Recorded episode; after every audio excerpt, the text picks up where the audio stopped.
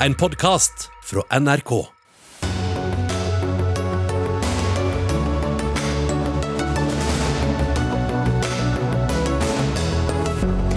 Smitteøkning i flere titalls kommuner. De kan ikke ta fri fra testing og smittesporing i jula, advarer Helsedirektoratet. Kjell Magne Bondevik fnyser av Kristin Clemets behov for en garanti om borgerlig regjering ved borgerlig flertall. Han mener velgerne bør være mer tålmodige. Er ull en klimaversting? Ja, ifølge ny bok. Tåpelig og direkte feil, svarer forsker.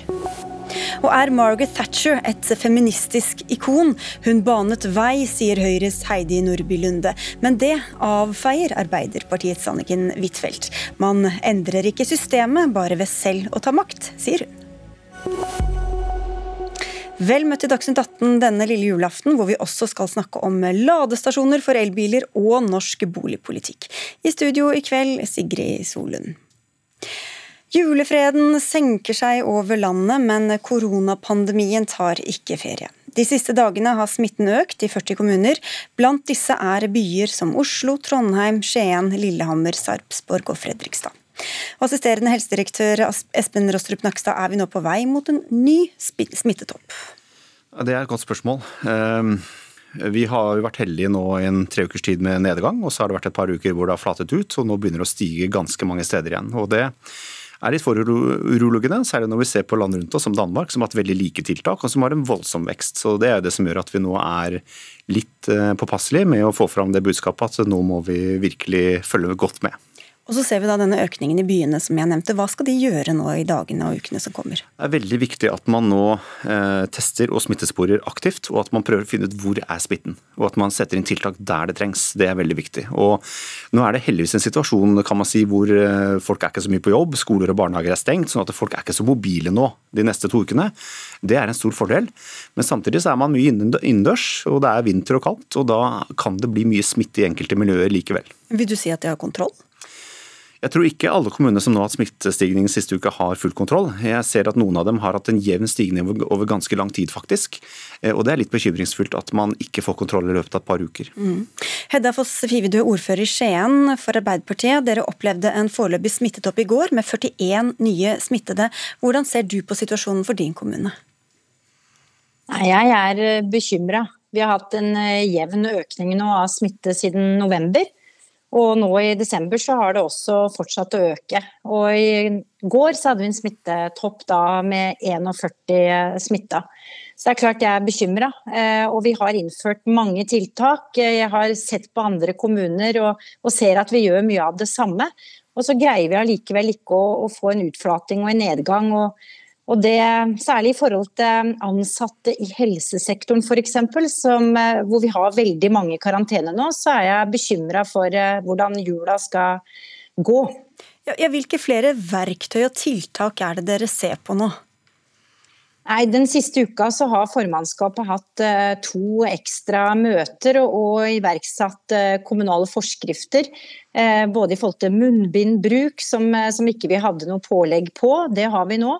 Eh, og jeg ser at folk følger opp. Eh, så det ser jo liksom ut som om eh, alle gjør det de skal. Vi har også gjort tiltak overfor utelivet, for vi har erfaring fra at når det er jul, så er det fest og, og, feiring, og mange møtes ute på byen. Så der har vi også nå satt skjenkestopp til klokka ti. Så vi har gjort veldig mange tiltak, og håper jo å se effekten av det nå de neste dagene og ukene. Rita Ottervik, du er ordfører i Trondheim. Det er ikke lenge siden du ba om andre regler for byen deres fordi den var grønn, altså smittefri. Nå har dere også opplevd en smittetopp. Hva tror du kan være sammenhengen mellom at dere ville slakke på tiltakene, og det at dere nå har fått denne dystre statistikken? Eh, jeg tror ikke at det er noe direkte sammenheng mellom at storbyene i KS-nettverket ba om å få mer regionale regler og muligheten til å bestemme litt mer sjøl. Eh, når man har lavere smittetall. Eh, det er ingen grunn til at Tromsø skal ha like strenge tiltak som Trondheim når de har mye mindre smitte enn oss.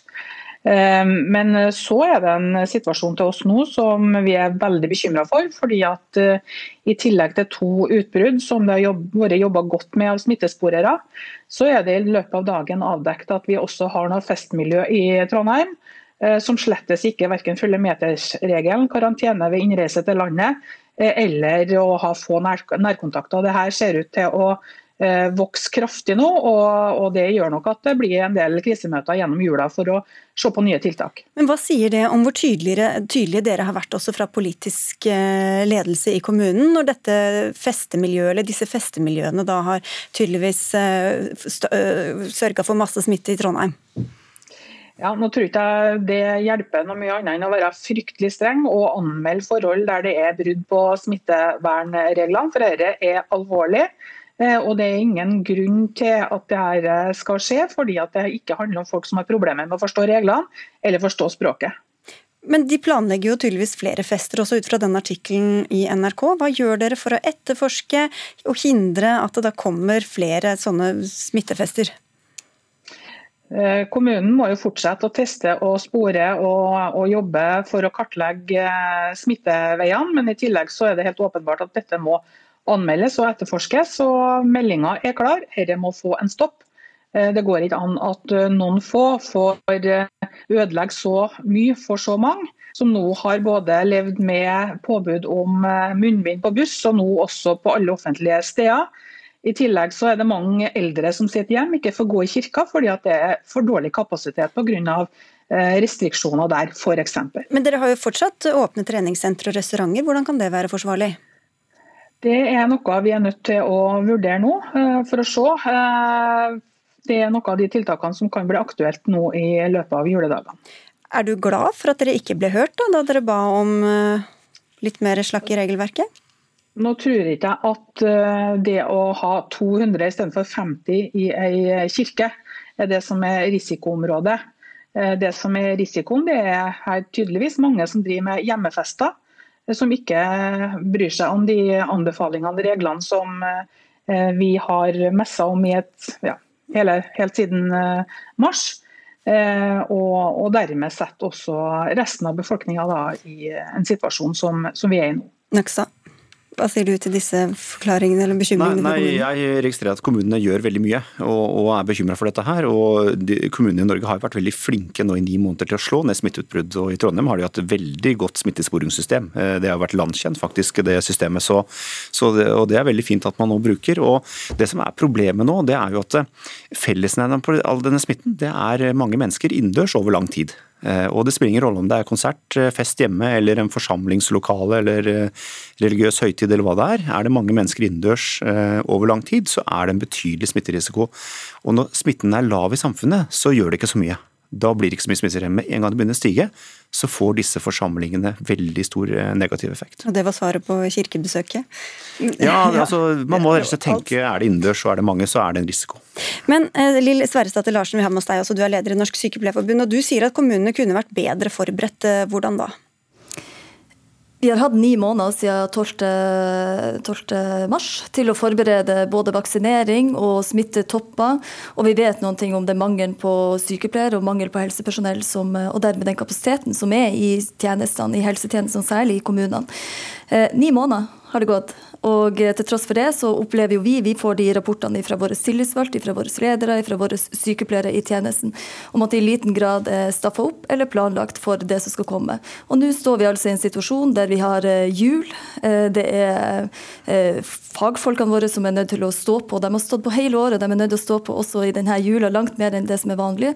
Du skal håndtere både det som er vanlige daglige behov og drift, og så skal du håndtere det som er smittesituasjonen på, med den frykten for at det kommer inn på sykehjemmene særlig.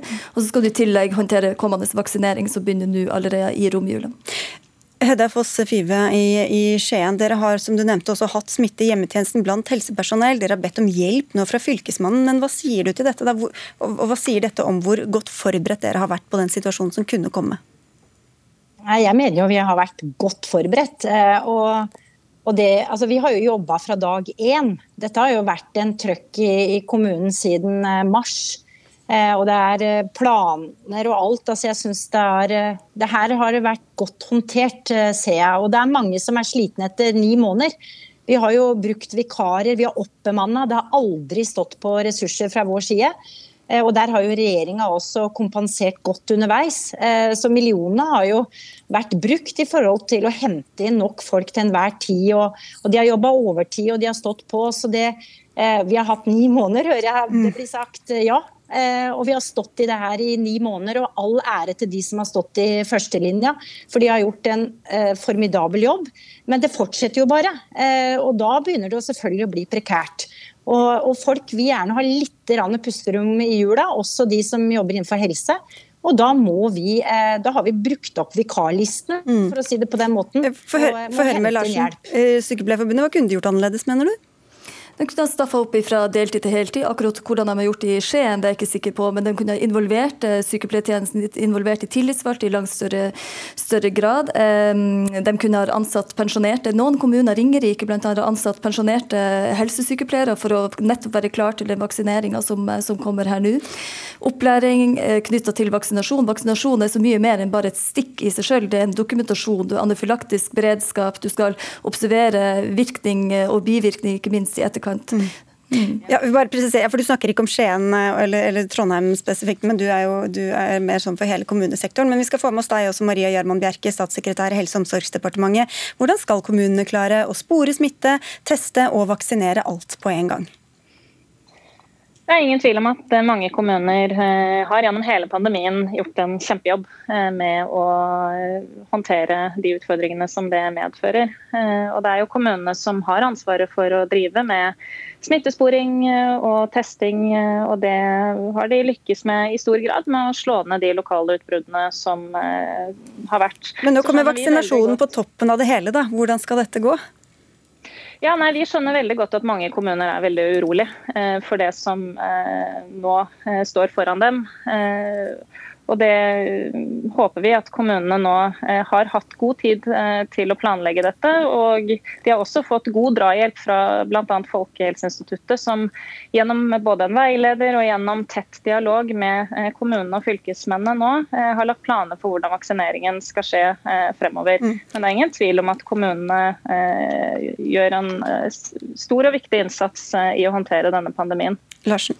Hvis vi lykkes, og det håper vi virkelig at vi gjør, at eh, både vaksinering og smittetrenden holder seg eh, som den gjør, eller ideelt sett eh, flater ut eller synker.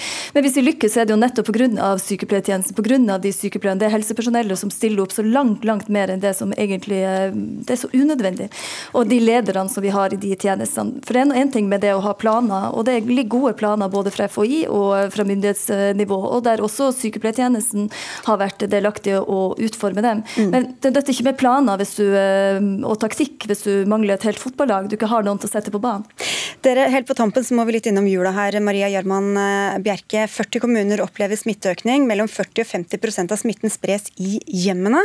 Samtidig åpner dere altså for at én person kan møte 20 personer fra ulike husholdninger i løpet av jula. Hvordan er det forsvarlig oppi denne situasjonen? Nei, Vi er urolige for den smitteøkningen vi nå ser. Eh, og eh, de utbruddene som vi nå ser over eh, hele landet. Ja, hvordan er det forsvarlig da med dette regelverket? Ja, Dette regelverket gjelder nå, men det som vi har eh, gjort i dag, er å gi Helsedirektoratet i oppdrag eh, å vurdere eh, ytterligere innstramminger på bakgrunn av den økte smitten. og Det skal de komme med den 28.12. Så folk må være forberedt på at det både kan komme lokale tiltak på bakgrunn av den økte smitten, og det kan også komme nasjonale innstramminger i løpet av romjulen. Da får du litt å bale med de nærmeste dagene også, Espen Rastrup Nakstad. Men hvis man da møter maks antall nærkontakter de nærmeste dagene, hvor mange kan man potensielt smitte i løpet av disse to treffene? Nei, Det er vanskelig å si. Du kan si Fordelen med jula er at vi er ikke på jobb. Eh, skole, barnehage, tar ikke bussen. altså Folk er, møter ikke fremmede for å si det sånn, og kan bli smittet av dem. Men vi er tettere på nær familie og slekt. Eh, og Da blir det veldig viktig å passe på at man er frisk når man bor i det selskapet. Det er det viktigste. Gjør man det, så vil nok dette gå bra i de fleste tilfellene. Men vi må være litt ekstra obs nå, særlig når vi ser at det er mye smitte i mange kommuner. Og Dere følger med gjennom jula. Takk skal dere ha alle sammen. Espen Rostrup Nakstad, assisterende helsedirektør. Maria Gjerman Bjerke, statssekretær i Helse- og omsorgsdepartementet. Rita Ottevik, ordfører i Trondheim. Hedda Foss Vive, ordfører i Skien. Og Lill Sverresdatter Larsen fra Sykepleierforbundet.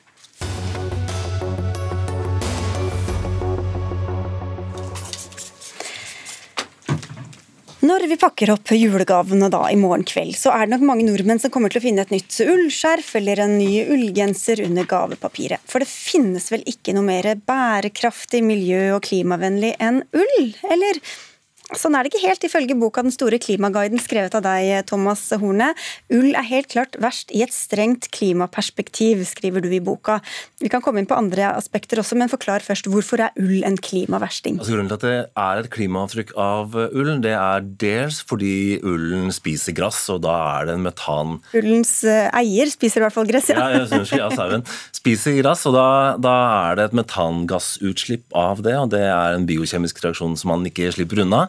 Eh, også I tillegg er det det samme som med andre typer tekstiler, at det er i, i, produksjonen av tekstilene, og til dels også da transport, eh, men den er ganske liten. Mm, men, men, ulla kommer verst ut i den, det skjemaet du har? Det er pga. dette metangassutslippet. og da, Der fins eh, ikke veldig mange studier som har, som har forsket på dette, men de studiene som da inkluderer metangassen, og i tillegg også fôrproduksjon og kunstgjødselnedbrytning, og til dels også avskoging pga. fôrproduksjon, eh, de konkluderer da alltid med at det er en ganske stort klimaavtrykk av selve produksjonen av, av råtekstilene, råullen som skal til tekstil.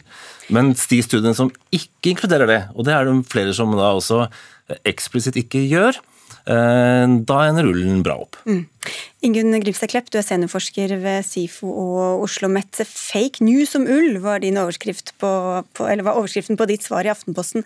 Hva er det som ikke stemmer i dette regnskapet? Ja, her er det lag på lag eh, med feil. Eh, for det første så er det å sette fibrene opp mot hverandre på denne måten galt. Eh, og Grunnen til det er at alt i alt så er fiberproduksjonen 15% av klimabelastningen når vi produserer tekstiler. Så det er altså andre ting som betyr mer. Og det å få en debatt mot, uh, som er slik, at den ene fiberen er slik og den andre fiberen er sånn, bidrar ikke til det vi er nødt til å få til for å få ned klimabelastningene. Og det er at vi har gode produkter som passer til det vi skal gjøre. Så det er den første feilen. Og så har vi selve regnestykkene. Uh, og det er alltid mange måter å regne på. Og når vi skal sammenligne produkter, så er det en vanlig regel innenfor LCA-analyser, som dette her burde ha vært, da. vet ikke hva en Nei, det er livssyklusanalyser. Mm. Og det betyr altså at man ser på miljøbelastningene eh, eh, over hele livssyklusen. Og de analysene som er brukt her, de handler da bare om produksjonen og ikke bruken og avhendingen. Og det blir helt feil, fordi at klær de kan brukes én gang, og de kan brukes 100 ganger eller 500 ganger. Og den totale miljøbelastningen den har altså da både med produksjonen å gjøre, men også med bruken. Eh, og plastproduktene har utfordringer i bruk. Og ull eh, er eh, lett å holde ren fordi det kan vaskes sjeldnere, så du bruker altså mindre energi i vasken. Mm. Jeg vil bare få høre med hornet, fordi Plastproduktene, altså polyester osv., de kommer jo da godt ut i ditt regnskap, men Ja, og det er helt riktig som Ingunn sier, at det gjelder da produksjonen av selve tekstilen og, og, og klesplagget. Um, og, um, men det finnes altså studier som, som, påpeker at nettopp når det gjelder ull, så har uh, selve produksjonen av tekstilet større avtrykk fordi man inkluderer metangassen, hvis man da velger å gjøre det som jeg mener er, er riktig å gjøre. Men det jeg skulle ønske at du hadde gjort, da, var jo også å lese hele, hele kapittelet om, om tekstiler og klær, fordi det jeg jo konkluderer med, er nøyaktig det samme som du sier at eh, når man da har klærne foran seg Det skulle jo bare mangle. Altså, så mener... er meningen at man Mitt klare budskap er at vi må redusere klesforbruket vårt. Vi må eh, slutte med bruk og. Eh, og vi må bruke klærne så, så, lenge som mulig, ta godt vare på dem. Og helst gjerne selge dem på Finn hvis man liksom eh, Der er dere enige. Der er dere enige. Men, men, hvorfor er det ikke riktig å ta med sauens utslipp eh, hvis du ikke gjør det? da? Egentlig? Nei, jeg sier ikke at det er ikke riktig å ta med produksjonen i sammenligning av produkter. Eh, og alle produkter har miljøbelastninger. Eh, og det er selvfølgelig riktig å ta med produksjonen, og det er selvfølgelig riktig også å diskutere den, bl.a. fordi den må forbedres. Men poenget her er at eh, både tittelen på dette kapitlet, og det som ble trukket fram i anmeldelsen, er at ull er en uh, miljøversting, og polyester da uh, seiler opp som den store vinneren. Og dette her er et mønster som industrien selv har skapt. Og det klesindustrien. er klesindustrien. Det er jo altså, de fleste av disse analysene kommer jo fra industrien selv. Og det handler jo da om å fremstille det man kan tjene mest penger på, som grønnest. Så dette er et digent grønnvaskingsprosjekt. Og man må jo da få ta med i dette regnestykket at ull per i dag utgjør ca. 1% av den globale fiberproduksjonen, og polyester alene ligger mellom 60 og 70% av denne produksjonen. Det er simpelthen der pengene er. Mm. Så å, å, gå til industrien og spørre om disse sannhetene, det er som å spørre tobakksindustrien om det er sunt å røyke. Altså, Vi er nødt til å ha andre kilder, og vi er nødt til å ta med i betraktning at bruken av klærne er det som betyr mest. Ja, nå mener jeg altså at uh, Det er nettopp bruken av klærne som er det viktige. og uh, Jeg tror det har en positiv effekt å se på hva som er klimaavtrykket av produksjonen av de ulike tekstilene. For da blir man mer bevisst på å skulle ta bedre vare på Det er 15 Fiberproduksjonen er 15% av produksjonen av et klesplagg. Slik at det du da eh, løfter fram, er altså da 15 gitt, av miljøbelastningen. Er det gitt at man bruker et ullplagg oftere og lengre enn et polyesterplagg f.eks.? Altså vi som da jobber med klær og miljø, vi har jo jobbet med det spørsmålet. Og vi har gjort uh, internasjonale studier for å se på forskjeller i bruken av uh, klær i ulike fiber, og også gjort analyser av hvor mye miljø miljøbelastningen er fra ulike fiber globalt sett. Eh, og dette er jo fordi at vi trenger slike analyser nettopp for å kunne sammenligne produkters miljøbelastning. Og da er det jo kontraproduktivt at, eh, at man plukker opp sånne tall som ja, ja. altså ikke er riktige. Jeg, jeg, mener ikke er det tvert imot. Jeg mener at det er nettopp fordi man, jeg er klar over da, at både ullplaggene mine og lærskoene mine har større klimatrykk, så at jeg er bedre vare på dem. Og da kommer det godt ut av det. Jeg konkluderer med boka også. Du kan fint komme bedre ut klimamessig hvis du tar godt vare på de plaggene det aller viktigste det er å sette ting i litt perspektiv. Eh, som jeg også konkluderer med i boka, oppsummerer de de 15 viktigste klimatiltakene i livet ditt. Der er ikke ull med på lista, bare for å si det. Det, det er et helt ubetydelig eh, problem eh, i den store sammenhengen. Eh, halvere klesinnkjøpet kommer på tolvteplass, mens f.eks. det en helgetur til New York, det vil i, i, i mitt regnskap, hvor ull faktisk kommer dårlig ut, da, eh, tilsvare 1000 par ullsokker. Nok til et helt liv.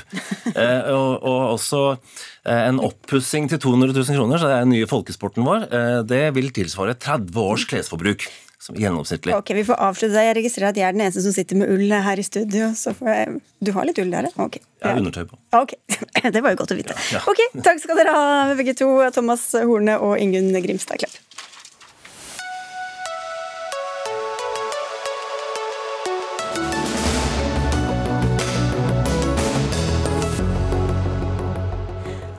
Under ni måneder blir det klart hvor stor oppslutning de politiske partiene har fått i neste stortingsvalg. Men helt hvem som skal samarbeide med hvem, og hva slags flertall vi kan få, ser noe uoversiktlig ut akkurat nå. I søndagens Aftenposten skrev lederen i den liberale tankesmia Civita, Kristin Clemet, som også har mange års fartstid fra Høyre tidligere, at hun ønsket seg en borgerlig garanti om en borgerlig regjering hvis den siden får flertall. Du leste kommentaren og svarte på den, Kjell Magne Bondevik, tidligere statsminister og KrF-leder, og kaller analysen for for enkel i et svar i dagens utgave av avisa. Hva er det som er for enkelt? Jo, Clemet eh, gir jo et inntrykk av at norsk politikk er liksom delt i to. En blokktenkning. Det er de borgerlige på den ene sida, og så er det da venstresida eller sosialistene på den annen. Eh, og slik er det jo ikke lenger så enkelt. Det er jo en rekke andre grunnleggende konfliktdimensjoner i dag som går på tvers av denne høyre-venstre-skalaen. Det er jo aktuelle spørsmål som klima og miljø, flyktning- og innvandringspolitikk, bioteknologi og menneskeverd. Og Da kan en ikke lenger operere med en ensidig borgerlig side og en ensidig venstre side, selv om ikke-sosialistisk parti har også mye til felles, eh, som går på familie, på individ, frivillig arbeid osv. Så mm. Sånn at liksom, å gi en garanti for at uansett hva slags såkalt borgerlig regjering det måtte bli, så skal en på forhånd ha stilt seg bak den, det, den tiden er forbi. Det går bare ikke. Det må tror jeg alle ta inn over seg eh, og forstå at så enkel er ikke norsk politikk. Kristin Clemet allerede introdusert. For enkelt, hører vi. Hvorfor gir det mening å holde på denne høyre-venstre-aksen? Ja, Det er ikke så farlig om det er enkelt hvis det, hvis det er riktig. Altså, jeg er jo helt enig med Kjell Magne Bondevik og alle andre at det er mange andre akser som også har betydning i eh, politikken. Jeg er også enig i at det kommer opp nye saker og saksfelt av og til som går litt på kryss og tvers av denne gamle aksen. Men jeg tror han eh, undervurderer betydningen av høyre-venstre-aksen. Det har faktisk også overrasket meg hvor stabil den er, både for velgerne og for partiene. Vi ser jo ved valget sist at velgerne flytter seg mer innad i blokkene, hvis jeg kan bruke det uttrykket, da, enn mellom blokkene. Og jeg mener nå at foran valget i 2021 så er faktisk høyre-venstre-akten revitalisert. Fordi det er veldig mange viktige spørsmål nå som går på dette med offentlig, privat, plan, marked. Det kan gjelde alt fra friskoler og private barnehager, statens eh, innflytelse på næringspolitikken, privat, statlig eierskap, skatt, EØS osv. Så, videre. så det er mange viktige spørsmål som på en måte sorterer partiene etter en sånn høyre-venstre-akse. Så den har fortsatt betydning. Og eh, Når det gjelder da spørsmålet om hva man skal si om regjering etter valget, så tror jeg man, eh, han også undervurderer velgernes interesse for å vite hva slags regjering man kan få, avhengig av hvilket parti man stemmer på. Og jeg tror også han kanskje undervurderer de dårlige erfaringene enkelte partier har med å ikke være klare om det før valget. Da bruker de veldig mye tid og oppmerksomhet og svarer på spørsmål fra dere journalister om regjeringsspørsmålet fremfor å få snakke om sakene sine. Og Dette var jo faktisk en veldig viktig begrunnelse nå fra MDG, da de sa vi velger venstresiden i 2021 så sa de at en viktig grunn til det var deres dårlige erfaring med å ikke velge side. Fordi det førte til at eh, oppmerksomheten kom bort fra sakene deres og politikken deres og bare dreide seg om regjeringsspørsmålet. Ja, hvis de tror de slipper unna sånne spørsmål av den grunn. Nei, men, men, det, jo, men det må jo også sies at alle de fem partiene, for ikke å snakke om og også det sjette partiet som prøver å komme inn på Stortingets sentrum, alle de har jo gitt beskjed nå mm. at de foretrekker en regjering som ikke er ledet av Erna Solberg. Men hvis vi tar det, det første, Bondevik. Vi snakker jo fortsatt nå om røde og blå KrF-ere etter veivalget i partiet deres. Det er ikke så lenge siden det var da denne opprivende striden om hvorvidt partiet skulle samarbeide med høyre- eller venstresiden. Så hvordan kan den tankegangen da være så død som det du beskriver? Jeg er jo enig med Kristin i at selvsagt har høyre-venstre-aksen også en betydning. Eh, men at den er så veldig revitalisert i forhold til mer eh, påtrengende spørsmål som eh, klima og miljø og flyktning og innvandring. Det er jeg nå slett ikke sikker på. Men jeg skal gi en illustrasjon på hvorfor en såkalt garanti kan være helt galt av gårde. Eh, hvis eh, f.eks. KrF og Venstre skulle gi en sånn garanti, eh, så kan det jo etter valget ende opp med la oss si en Høyre-Frp-regjering, slik de gjorde etter forrige valg. Hvis Erna Solberg foretrekker det, hvis hun velger Frp fremfor de to sentrumspartiene. Og da har KrF og Venstre spilt fra seg alt på forhånd. For da har vi garantert for neste fireårsperiode at det skal være en Høyre-Frp-regjering med tyngdepunkt veldig langt ut til høyre. Det, det, partiene avgjør selvsagt dette, det er ikke som avgjør det. og Det er heller ikke Kristin Clemet, men, men eh, alle ser jo at det vil være å gi fra seg alle forhandlingskort. Vi minner om 1997. Da sto det lenge mellom Jagland og Jan Pettersen, Arbeiderpartiet og Høyre. Men det endte jo faktisk med en sentrumsregjering med undertegnere som statsminister. Hadde vi gått ut og garantert en såkalt borgerlig regjering med Jan Petersen som statsminister på forhånd, eh, så hadde vi jo spilt fra oss alle muligheter, og vi hadde aldri fått en eh, sentrumsregjering. Men det begynner å bli en stund siden det, Bondevik, så hvilke eh, realistiske alternativer ser du i dagens politiske landskap utover disse høyre-venstre-blokkene? Ja, Det skal jeg komme tilbake til. Men det er klart problemstillingen er jo den samme nå. fordi Det er ikke lenger sånn at Arbeiderpartiet og Høyre er så veldig dominerende partier. Det er andre partier som Senterpartiet og til dels Fremskrittspartiet som har vokst eh, og blitt ganske store. Og så har en en del mindre partier, da, bl.a. KrF. Eh, men det er sånn at det er ikke en borgerlig blokk hvor KrF og f.eks. Fremskrittspartiet entydig hører sammen. Det viste det jo seg den regjeringa hvor vi begge var med, holdt bare vel et år. Og så har også um, Sylvi Listhaug så sent som i finansdebatten nå sagt at uh, vi gir tydelig beskjed om at vi er ganske ferdig med Venstre og KrF. Det vil vise seg i tiden fremover. Så dette viser jo at det er ikke en sånn uh, entydig blokk på den sida. Men nå har vi en regjering i dag, en høyre-venstre-regjering. Samme konstellasjon som uh, Kristin og jeg satt sammen i i fire år. Og det, jeg regner jo med at de tre partiene vil gå til valg med det som regjeringsalternativ. Men de kan, trenger jo ikke operere med et alternativ B, C, D og garantere at de uansett skal også gå inn for det, hvis deres eget alternativ ikke vinner gjennom.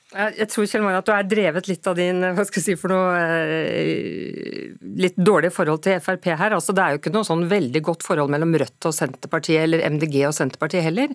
Men alle de fem partiene og ytterligere partier har sagt at dersom vi får flertall sammen, så garanterer vi at vi skal gjøre vårt beste for å få laget en regjering, helst etter slik vi vil ha regjering. De har jo ulike, foretrekker ulike regjeringer, men de vil være med på at det flertallet skal kunne realiseres. Eh, og Det tror jeg borger, altså velgerne forventer, og det vil være veldig rart tror jeg, hvis vi kommer til valget i 2021, og at liksom nærmest samtlige partier sier at de vil bidra til å realisere et flertall på den siden de tross alt tilhører, hvis den siden får flertall, bortsett fra Venstre og KrF. Og så må jeg si det med klima, jeg er helt enig i at det er ikke en typisk venstresidesak eller høyresidesak. Men klimasaken har heller ikke rystet det tradisjonelle partimønsteret. Altså Det tradisjonelle partimønsteret består. Ved valget i Danmark sist så var klima velgernes viktigste sak. Det kan det lett bli her også. Men det var nesten ikke mulig å se det på utfallet av valget, fordi klimapolitikken er blitt tatt opp i alle partiers programmer på ulik måte ut fra deres ideologi osv. Så, videre. så det er ikke slik at det ryster eh, nødvendigvis høyre- og venstreaksen ved å gjøre den helt ubetydelig, for den vil fortsatt ha ganske, ganske stor betydning. Så jeg mener at, eh, at hvis man vil ha innflytelse, må, og Hvis man vil at valgkampen skal handle om saker, så bør man gi beskjed om hvordan man vil agere dersom den siden man tilhører så å si får flertall. Og det er klart at Regjeringen den vil jo gå til valg for å prøve å beholde regjeringsmakten. Okay. Det regner jeg jo med. Det blir to debatter i ett her, Bondevik. Men uh, dere har kanskje begges analyse er preget litt av også hva man ønsker seg? Ja, altså det, nå sier Kristin mitt dårlige forhold til Frp. Dreier seg ikke om det i det hele tatt. Det er ikke så mye kjærlighet på noen av de sidene, vil jeg tro. Nei. Det dreier seg om den politiske avstanden mellom KrF og Frp. Det. Det, det forsvant Bondevik. Det var jo en, jo, men altså, det, det, Den kronikken vi diskuterer i utgangspunktet, jeg skriver jo om at det er vanskelig å samarbeide. Den handler om samarbeid, nemlig at når vi har ni partier på Stortinget, eh, det er nå fire på den ene og fem på den andre siden, så er partiene dømt til å samarbeide. Og da må de samarbeide med partier som de også står dem litt fjernt, og som de ikke liker så godt. Og det er dette som er eh, på en måte fint med politikken også, at det som ser ut som mye spill og spinn og spetakkel på utsiden, det er ofte et ganske fint samarbeid på innsiden, og det er nødvendig hvis dette demokratiet skal fungere. Du pekte på pressen, Kristin Clemet, men det er lov å ønske seg at ikke alle politikere også skremmer med andres eh, potensielle samarbeidspartnere i enhver debatt, eh, kanskje? Fra, ja, altså det, det, blir jo litt Det var lettere før, når, når det bare var eh, flere partier på borgerlig side, men nå er det jo mange partier på begge sider, og da er det vanskeligere å skremme med, med kaos, for det kan jo i verste fall bli kaos på begge sider. Det er mange måneder igjen. Takk skal dere ha for denne runden, Kristin Clemet fra Civita og tidligere statsminister Kjell Magne Bondevik.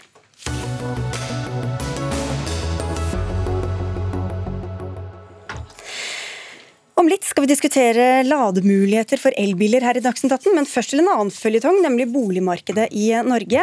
Bygge mer og utvikle alternative boligkjøpsmodeller, det var blant forslagene da regjeringa la fram sin nye boligsosiale strategi i begynnelsen av måneden. Dette holder ikke, skriver du i Dagsavisen Rina Mariann Hansen, byråd for arbeid, integrering og sosiale tjenester i Oslo kommune.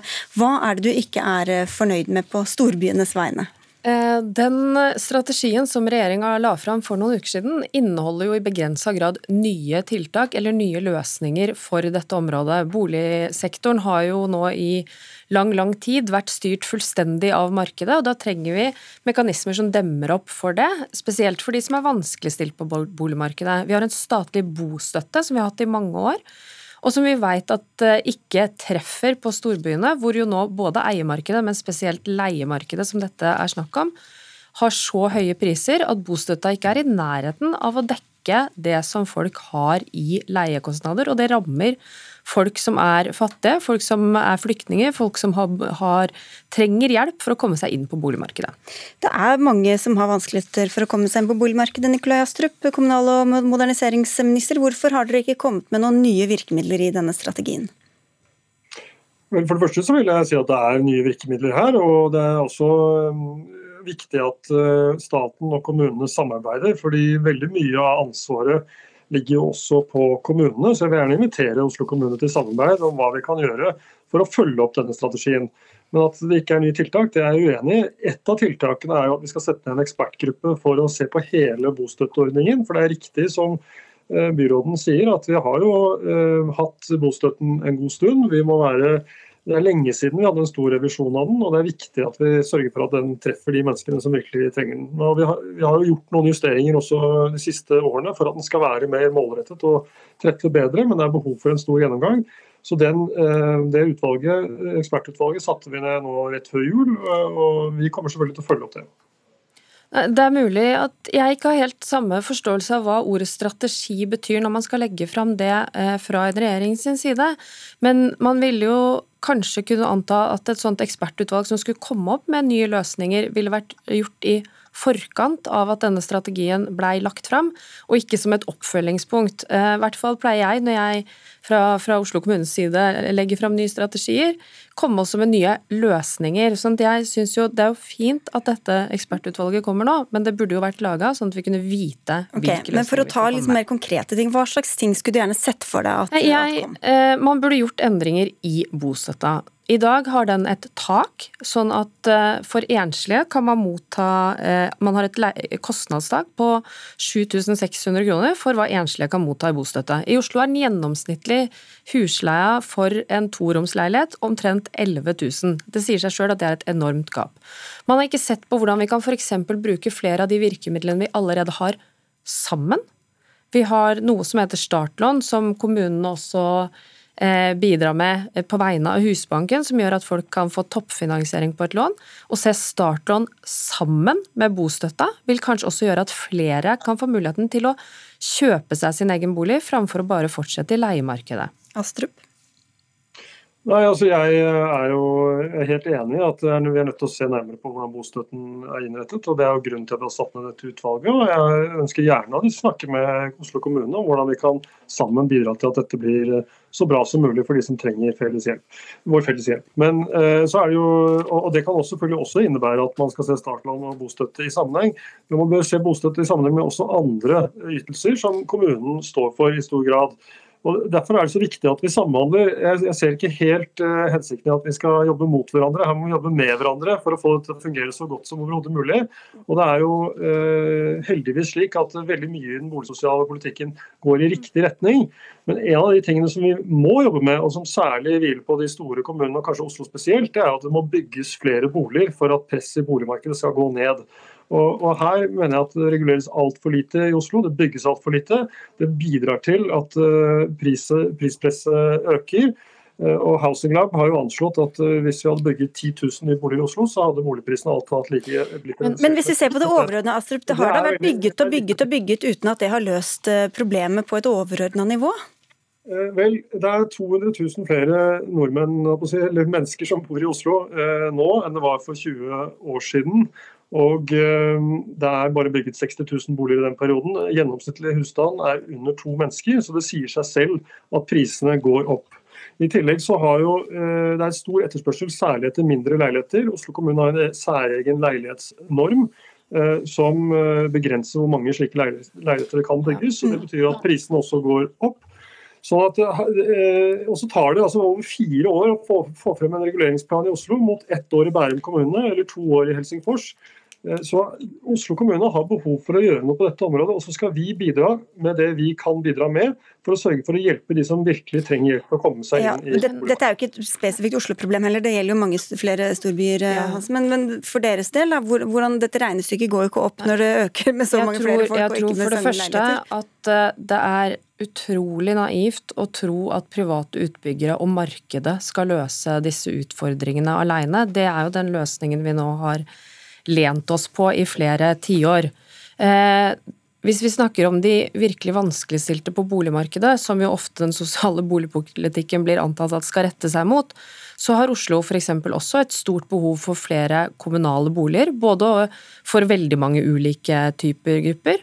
Og selv i våre kommunale boliger så vil ikke bostøtta, den statlige, dekke dekke det som er den reelle kostnaden for folk. Det gjør at vi har laga en egen bostøtte i Oslo, og den har vi laga en ny ordning på nå. Så det viser seg at vi klarer jo også, uten å legge fram strategier, å lage nye bostøtteordninger som treffer bedre, gir folk økt, økt kjøpekraft og muligheten til en mer langsiktig og stabil boligløsning. Ok, og til slutt her, Astrup, nå snakka dere mye om disse som er mest økonomisk vanskeligstilt, men det gjelder jo ganske mange mennesker som ikke har råd til å kjøpe seg en, en leilighet eller bolig da i, i eh, særlig Oslo, men også andre byer, selv med en helt normal inntekt. Hvordan kan det da hjelpe å flikke på systemet, eller bare bygge noen flere boliger, så lenge de også kan kjøpes opp av folk som skal leie dem ut, f.eks.?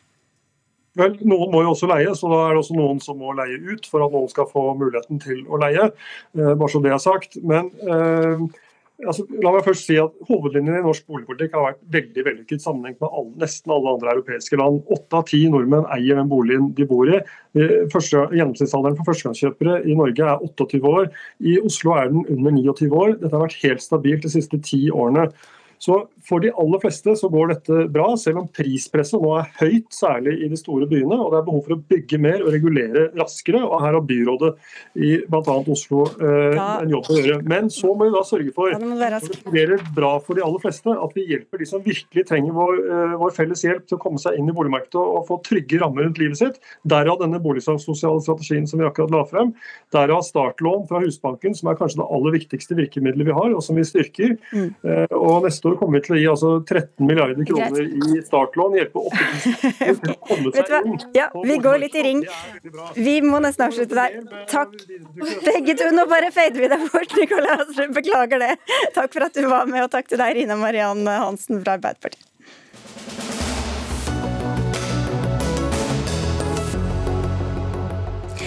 Nordmenn elsker britiske TV-serier, ikke minst når de handler om kongefamilien. Så interessen var stor da fjerde sesong av The Crown kom i vinter. I denne sesongen er britenes tidligere statsminister Margaret Thatcher en sentral figur. Hun var den første kvinnen som ledet det konservative partiet, og den første kvinnelige regjeringssjefen i Storbritannia. Men gjør dette henne dermed til et feministisk eh, ikon, eller hva sier du Heidi Nordby Lunde, stortingsrepresentant for Høyre og leder av Europabevegelsen, og skrev om Thatcher da hun døde for 27 år siden? Sju, ikke 27, som det hørtes litt ut som. Ja. Vel, nå tror jeg jeg hørte sånn der unisont grøss fra feminister over hele verden eh, som ikke identifiserer henne som et feministikon, men jeg tror heller ikke at hun identifiserte seg verken med feminisme eller som feminist som sådan. Tvert imot så var jo hennes eh, egne regjeringer påfallende mangel, eh, mangel på, på, kvinner.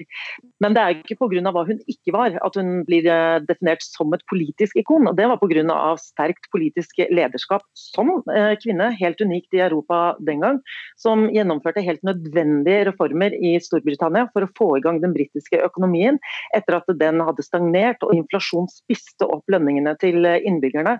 Og hun vant altså tre etterfølgende valg med valgskred. Så eh, kanskje ikke et feministikon, men et kvinnelig forbilde for veldig mange. Mm. Og Peter Morgan, som står bak The Crown, gikk lenger enn deg her. Han har omtalt Thatcher som en feministisk heltinne. Andre har vært inne på samme spor. Hva sier du, Anniken Huitfeldt, leder av Stortingets utenriks- og forsvarskomité for Arbeiderpartiet? Altså, jeg tror han sier at hun var en feministisk heltinne, for han har framstilt henne så innmari dårlig, den serien. Han angrer rett og slett? Ja, det er for å kompensere. Fordi at hun var et kvinnelig forbilde for mange, eh, men også veldig omdiskutert og forhatt. Ehm, så jeg tror nok at hvis vi ser på forskjellen på henne og Gro Harlem Brundtland, som er de to største kvinnelige politikerne som blir statsledere i sin generasjon, så rekrutterer hun ingen kvinner i regjeringen. Hennes første sak som statsråd det er å ta skolemelka fra britiske barn, mens Gro Harlem Brundtland sitt politiske prosjekt da det handler om å løfte mange kvinner, få veldig mange inn i regjeringen, innføre SFO, innføre lengre fødselspermisjon, og den saken som bringer henne inn i, i, politikken, det er jo retten til selvbestemt abort. Så det er helt ulike politiske prosjekter som de to lederne representerer. Ja, hvor viktig er det å se Thatcher, da, eller for de, de kvinnene som levde da og også etter Lunde, bare å se at hun fikk og tok den makten hun, hun hadde? Jo, men Det er helt riktig at uh, Brundtlands uh, store prosjekt var bl.a. å løfte kvinner, og kanskje også klima, som hun i ettertid også har blitt uh, kjent for. Mens Thatcher selv skrøt jo av at hun var den politiske lederen om noen som hadde rullet tilbake sosialismen i Storbritannia, gjennomført store reformer og sammen med Reagan vært med på å eh, ha en steil front mot Sovjetunionen, som jo eh, kalte henne for jernkvinnen nettopp fordi at hun var så tydelig mot kommunismen, sosialismen og, og antidemokratiske verdier. Så ja, det var to helt ulike prosjekter. og jeg tror nok at begge sider av politikken kan ha to veldig forskjellige beskrivelser av Thatcher. Jeg vil jo fremheve det, de reformene hun gjorde, de resultatene hun fikk der, mens venstresiden nok eh, ofte vil se at de reformene også førte til massiv arbeidsledighet. Eh, at det ødela lokalsamfunn. Og Begge sider har antageligvis helt rett, men det er vanskelig å se hvordan hun kunne agert annerledes. Så Hun hadde et helt annet politisk og globalt politisk prosjekt. Men å bane vei Wittfeldt, og vise at man kan ta makt, eh, være foran den første kvinnelige det ene og det andre, hvorfor fortjener hun ikke da å bli hyllet også som et feministisk ikon? Altså Hun utvidet da rommet for hvordan man kan oppføre seg som politiker. Så hun er på en måte beviset for at det er noen feminister som sier liksom at bare kvinner forstyrrer, så blir alt bare bra. Og det er bare tull, ikke sant? for kvinner er ikke noe bedre mennesker enn menn. Så hun viser jo da at kvinner kan oppføre seg på mange ulike måter. Og jeg ser at hun ble møtt med veldig mye motstand nettopp fordi at hun var en kvinne. Og også at hun ikke tilhørte den britiske overklassen heller. ikke sant? Så det gjorde at hun utvidet handlingsrommet, men det var ikke noen feministisk politiker som, som endret andre kvinners hverdag, da. Hva gjorde hun for eh, kvinners hverdag, da? Ingenting. Eh, altså, for så var det en annen kvinnelig politiker som sa at eh, da de skulle innføre sånn brystkontroll, da, så sa hun nå Thatcher, så er det jo slik at du er kvinne selv, kanskje du vil innføre dette. Og da bare så Thatcher liksom stygt på henne, og så sa hun men det er altså økonomiske grunner til at vi må innføre screening. Så altså, det, det var ingenting som bet på henne av den type argumentasjon. Da. Så hun endret ikke samfunnet på noen som helst slags måte i kvinners retning. Nordby Lunde, du Anniken Huitfeldt var inne på Gro Harlem Brundtland her, som jo fikk litt bedre skussmål eh, fra gjesten vår i, i studio. Men du har en annen eh, sammenligning mellom disse to også? Ja, altså Gro Harlem Brundtland ble jo statsminister på tross av at hun uh, tapte tre valg. Mens uh, Thatcher ble jo statsminister pga. at hun valg, vant tre valg. Og Toryene vant jo også det påfølgende valget etter at hun hadde gått av som leder. Så jeg tror at vi i Norge kanskje har et litt uh, forkjært bilde av henne som både hennes popularitet, hennes utstråling, hvordan hun tok et rom og hvordan hun også eide det, det rommet. Og også som Huitfeldt er inne på, utvidet rommet for det å være kvinnelig politiker. Det er det jo ingen tvil om. Men så er det da spørsmålet om man skal se på henne som et feministisk ikon eller ikke. Og Der er jeg enig i at hun var ikke en likestillingsforkjemper. Hun mente at eh, hun hadde kjempet en kamp for å komme dit hun var, og hun så ingen grunn til at hun skulle gjøre den veien lettere for andre kvinner, men at de skulle ha de samme strenge forventningene til seg selv som hun selv hadde. Altså, du må fikse det sjøl, feminisme, da som gjør at eh, det er veldig få andre som kom seg framover. Men altså, hun hadde jo en litt sånn lett match, for det britiske Arbeiderpartiet er jo ganske forskjellig da, fra Arbeiderpartiet på dette tidspunktet. Altså, hun gikk jo inn for at folk skulle eie sin egen bolig, noe som har vært grunnlaget i norsk sosialdemokrati etter krigen. Det var veldig mange som bodde i statlige eller kommunale leiligheter da, under Thatcher, så det var jo populært. ikke sant? Så hun klarte på en måte å skape en interessemotsetning mellom arbeiderklassen på den ene siden og middelklassen på den andre. Og da representerte hun et flertall. Men det førte, som eh, Nordby Lunde er inne på, til veldig store sosiale motsetninger. altså Hun knuste fagforeningene, som vi ser altså konsekvensen av nå. At de ikke har landsomfattende tariffavtaler på samme måte som vi har her i Norge. Mm, likevel er hun et slags forbilde for deg, Lunde? Vel, som sagt, Hun gjennomførte helt nødvendige reformen i den britiske økonomien, som også la grunnlaget for senere, den senere Arbeiderpartisuksessen Tony Blair og hans Cool Britannia. Nettopp fordi at eh, det var et stort innslag av statlig eierskap som ikke fungerte. Kullgruvene var i stor grad subsidierte og ikke bærekraftige på flere måter. Eh, men som sagt, noen av disse reformene gjorde veldig vondt eh, lokalt. Og jeg ser også av budsjettene hennes, altså det førte til en, en økonomisk vekst i de elleve årene hun satt som statsminister. Hun investerte mye i arbeidsmarkedstiltak, i utdanning, i helse, eh, som hun heller ikke er anerkjent for. Så det at hun ikke skårer fullt pott på likestillingspoeng, det er jo stor forståelse for. Men jeg tror det er andre ting ved henne som gjør at mange av oss ser på henne både som et, eh, et forbilde og et politisk ikon. Men vi feirer jo ikke våre forbilder av deres feil og mangler, som jeg mener at hun også hadde. Vi feirer jo det pga. deres uh, gjennomføring av deres målsettinger. Altså Utdanning det investerte hun ikke særlig mye i. Men jeg tror at det delte Storbritannia som vi ser nå, um, hvor det er store sosiale motsetninger mellom folk, det er jo mye av det grunnlaget ble jo lagt under Thatcher. Så hun utvidet rommet for hvordan kvinnene kunne oppføre seg. Men hun skapte et samfunn fullt av motsetninger, da, hvor forskjellene økte. Og jeg tror at det er noe av bakgrunnen for at så mange har ønsket å gå ut av EU. fordi at folk stoler ikke på hverandre i samme grad som vi gjør i Norge. Så du kan si at Norge og Storbritannia var mer likt før Thatcher enn etter. Etter Thatcher så gikk vi veldig forskjellige retninger. Men så er det altså klart at liksom, Storbritannia på 1970-tallet var jo også mye større grad av statlig eierskap. Da. Sukker var, eh, var nasjonal industri. Så at hennes prosjekt hadde en del oppslutning blant det britiske folk, det, det, forstår jeg jo. Og de som ikke har sett The Crown ennå, kan jo se den selv og dømme uten at det er noen dokumentar om eh, Absolutt ikke. jo, det er nok mye mer sympatisk enn det fremstilles i den serien. Vi får håpe det for hennes skyld. Takk skal dere i hvert fall ha begge to, Heidi Nordby Lunde fra Høyre og Anniken Huitfeldt fra Arbeiderpartiet.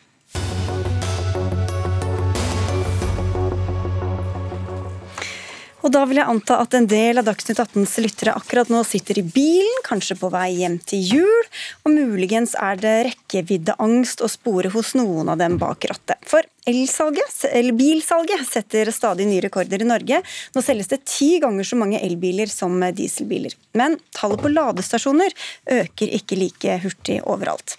Og det bekymrer dere i Elbilforeningen. Kristina Bu, du er generalsekretær der. Hva mener dere må til for at dette skal harmonere bedre? Det skal veldig mye til. Heldigvis er det bygd en god del det siste også, men det eh, selges, som du sier, veldig mange elbiler. Det har økt fra en markedsandel på 42 eh, i 2019 til 53% i år, og vi tror vi fort kan runde 65% markedsandel neste år. Og Det betyr at det skal velte veldig mange flere elbiler ut på veiene. Veldig, nå kjøper eh, alle elbil, også i distriktene. I Finnmark så var markedsandelen nærmere 40% har vært det i høst, så nå skal alle ha elbil. Eh, forbrukerne er med. Og da må det bygges ut veldig mye mer, og vi ligger ganske langt bak behovet. Og vi opplever køer, spesielt på dager som i dag, hvor veldig mange skal hjem eller på tur samtidig. Men de hadde vel ikke kjøpt hvis ikke de stolte på at de kunne få ladet opp bilene sine? Eh, det er nok mange som ikke helt vet hvordan det fungerer. Det fungerer jo greit stort sett, men per i dag så har vi ja, rundt 340 000 elbiler. Om fire år så skal 100 av nybilsalget være, både på personbil og varebil, være el. Og da vil vi ved slutten av 2025 ha i overkant av en million elbiler. Så om fire år skal vi gå fra 340 til over en million. Og da må den opptrappinga, utbygginga, eh, skje eh, veldig mye raskere. Og da, her syns jeg at regjeringen har litt for, en litt for tilbakelent holdning. Eh, bransjen ber om virkemidler, vi forbrukere ber om at det skjer raskere. Så vi, det handler litt om hastigheten i, i det, det taktskiftet vi nå skal gjennom, skal skje. Hvor er planen for dette, Ola Elvestuen? Du er medlem av finanskomiteen på Stortinget for Venstre. Nei, Planen er det at vi har vet at vi skal bare selge elbiler i 2025. Jeg har forhandla selv frem den i 2015, og vi skal bare også ha varebiler. Så er sånn kommer det mange biler de, de, neste årene. Og da vil det også utvikle seg et mye bedre marked, også fordi ladeinfrastrukturen som, som er der. Og vi ser jo at det bygges jo hurtigladere nå også. Det er vel noe over 800 som ble bygget det siste året, så det, det tar seg opp. Men, men forklar systemet for hvordan det fungerer i dag for alle som ikke er helt inne i det. Hvem er det som bygger disse ladestasjonene og er ansvarlig for Nei, det? Det er det private interesser som eh, bygger ut det store flertallet. Mens vi, vi har ansvaret for at det skal være et nasjonalt hurtigladesystem. Det ligger til eh, Enova, som da gir eh, støtte for å etablere det. Og de har laget, Nå har de nettopp så det skal etableres 25 hurtigladere i Finnmark og Nord-Troms. Det har vært vanskelig å få til, men nå er det på plass. og det er sånn finansierer da staten 100% av investeringene. Ellers så henger man etter i andre deler av landet, også i, i nord i Nordland, også Namdalen og sør i Nordland. Det er sånne nye anbud som nå er ute, hvor også staten vil finansiere 100% av investeringene i de områdene. Men Hvorfor henger man etter, da? Jeg syns ikke man henger etter. Du sa at man henger etter noen steder i landet? Ja, noen steder. Det vil si at i hoveddelen av landet så er det så mange elbiler. Det er så stort også trykk for at man kjøper. Man stoler på at det er sånn vil, vil også nå målene. og da er, da er det også en interesse for å bygge hurtigladere. Men noen steder, f.eks. i Finnmark og Nord-Troms hvor det også har vært solgt færre biler, så henger man etter. Derfor tar vi et spesielt ansvar der, og det virker. Ja, det, jeg tror det som kanskje det er litt mangel på, er forståelse for hva vi skal Vi har brukt ganske lang tid på å komme hit vi er i dag. Uh, og det har gått litt i rykk og nakk med utbygginga. Nå er det sånn at uh, private selskaper bygger ut mesteparten, men de bygger ut det etter helt kommersielle interesser, og de bygger ut der det er, når markedet er der. Utfordringen nå er at vi de neste fire åra skal få utrolig mange flere elbiler på veien. Og det er ikke bare eh, personbiler, det er varebiler, det er et, busser i byene, det er tungtransport. Det er ingen i Norge, det er ingen på myndighetssiden som har regnet på hva er behovet om fire år, eller om fem år ved utgangen av 2025. Hva er behovet for lading da? Fordi Neste år så kommer det til å selges eh, flere nye elbilmodeller på markedet enn bensin, diesel og ladbare hybrider eh, samla. Eh, nå kommer bilene for fullt. Forbrukerne ønsker å kjøpe de. Jeg er redd for at vi kommer i en situasjon eh, hvor eh, systemet ikke klarer å takle, takle den opptrappinga som vi faktisk trenger hvis vi skal kutte utslippene. Men, men private bedrifter er interessert i dag å lage hurtiglatere. Etter, etter, hvert som vi kommer til å legge mer til rette, så vil det jo bli et mye større marked for å få det til. Og langt de fleste steder i Norge vil dette kunne fungere fint. Det går, og det er en dynamisk utvikling i forhold til det. Når det gjelder busser, så har vi egne støtteordninger for å introdusere de. Når det gjelder tungtransport, så er det egne støtteordninger for det. Varebiler har vi egne støtteordninger for. Så her sånn, her sånn, det er ingen tvil om at det er ingen som er mer foroverlent på dette enn det vi er fra myndighetssiden i Norge. Det, det, som har skjedd på dette området har skjedd litt tidligere. Nå er det en mye mer tilbakelent holdning. Nei. bransjen sjøl ber om helt konkrete ting. En av de tingene som, må, som det nå haster, er at Tina Bru kommer med, med eh, ny nettariff på altså, kortlading. Ja, mm. eh, det, det, haster. En annen ting er at eh, man i Det handler ikke bare om hurtiglading, men regjeringen kom i Granavolden-erklæringen for to år siden med en lovnad om at de skulle komme med en støtteordning til lading i borettslag og sameier. Husk på at 25% av husholdningene bor i blokk. og Der henger vi langt etter med utbygging. Okay, det, det, det, er mange ting, mange ting vi ikke har kommet med. Det er ingen som er mer foroverlent enn dette. Jeg har holdt på med elbilpolitikk også i 20 år. Jeg har forhandla inn alle de målene som er gjort, også på Granevolden og Jeløya, og jeg har forhandla inn også det du viser til. Og det skal vi også følge opp. og det som er gjort... Ligger dere etter der, da, eller med disse borettslagene? Nei, Nei, det som beror, Hvis du ser på den nye avtalen som nå er inngått med Enova, så har man dette Enova-tilskuddet som tidligere gikk til eneboliger. Det er nå utvidet til også å kunne gjelde borettslag. og Der er det da borettslag som vil ha eh, klimatiltak, vil kunne få det. Og det som er med lading er selvfølgelig også et eh, klimatiltak. så dersom vil det være Men, mulighet. Bare for å spørre, altså, som det ble sagt her, eh, Dere har jo da vedtatt, og du har vært med å forhandle det fram, disse ja, har målene. Tatt initiativet, ja. ja. Veldig bra, gratulerer med det. Men har dere ikke, hvorfor har dere ikke samtidig regna på akkurat dette og dette og dette trenger vi, hvis vi når de målene vi faktisk har satt fordi, oss? Fordi det viktigste, det viktigste fra myndighetenes side er å sørge for at når du kjøper ny bil, så velger du en elektrisk bil. Det er, det er da den viktigste beslutningen tas. Men Kanskje flere ville kjøpt det hvis de visste, hvis de følte seg helt trygge på at her kommer det lading, det er ikke noe vanskelig, jo, jeg kan er, kjøre så langt jeg vi vil. Vi er nå over 50% elbilandel i Norge. Vi er altså, vi er altså uh, der vi skal være for å nå, må, nå om 100% i 2025. Ja, 60 må det være til neste år. Uh, så dette gjør vi. Og det er den, og det er der den store innsatsen holdes. Og så ser vi at det utvikler seg et marked for å ha en ladeinfrastruktur. Tesla gjorde det selv i sin tid. Mange andre på... har gjort det. Um, og så, vi, og så, tar vi, ansvar i de delene av landene hvor vi ser at det ikke utvikler seg selv, fordi salget også er, eh, går ikke like fort. Og da gjør vi det. Nord-Troms og Finnmark er det, på plass. Nå okay. kommer de i Nordland. Skal man bygge masse stasjoner som ingen bruker, Kristin? Overhodet ikke. Vi har opplevd eh, mye kø i sommer. Vi opplever kø eh, i dag. Eh, forbrukerne Eh, opplever også at eh, ofte lader ikke virker. Det er mange utfordringer som nye elbilister opplever. Og så er ikke eh, bransjen selv, ladebransjen sjøl peker på helt konkrete ting som må gjøres for å få fortgang i, i, i utbygginga. Det gjøres mye, men det, det, gjøres ikke nok. Vi må bygge ut godt over 1000 nye hurtigladere årlig fram mot 2025 hvis vi i det hele tatt skal være i nærheten. Og nå kommer det salget til å vokse så mye, og da må man må ikke bare ha en en tilbakelent holdning. Man må er også regne litt på hva som er behovet. Dere, de er foroverlent, sier Ola Elvestuen. Det er Ja, men det er, ve ja, men det er veldig mye vilje, og du har også den endringen til NVE som vi sendte bak til NVE, Så- nettopp for den ikke var god nok på tariffer for uh, nye ladere. Skal dere ha begge to, Ola Elvestuen og Kristina Bu.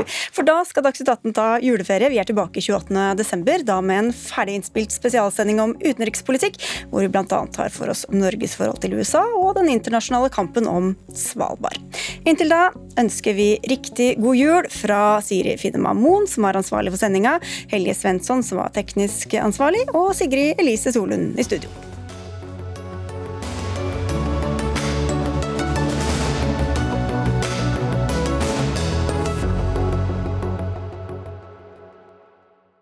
Du har hørt en podkast fra NRK. Hør flere podkaster og din favorittkanal i appen NRK Radio.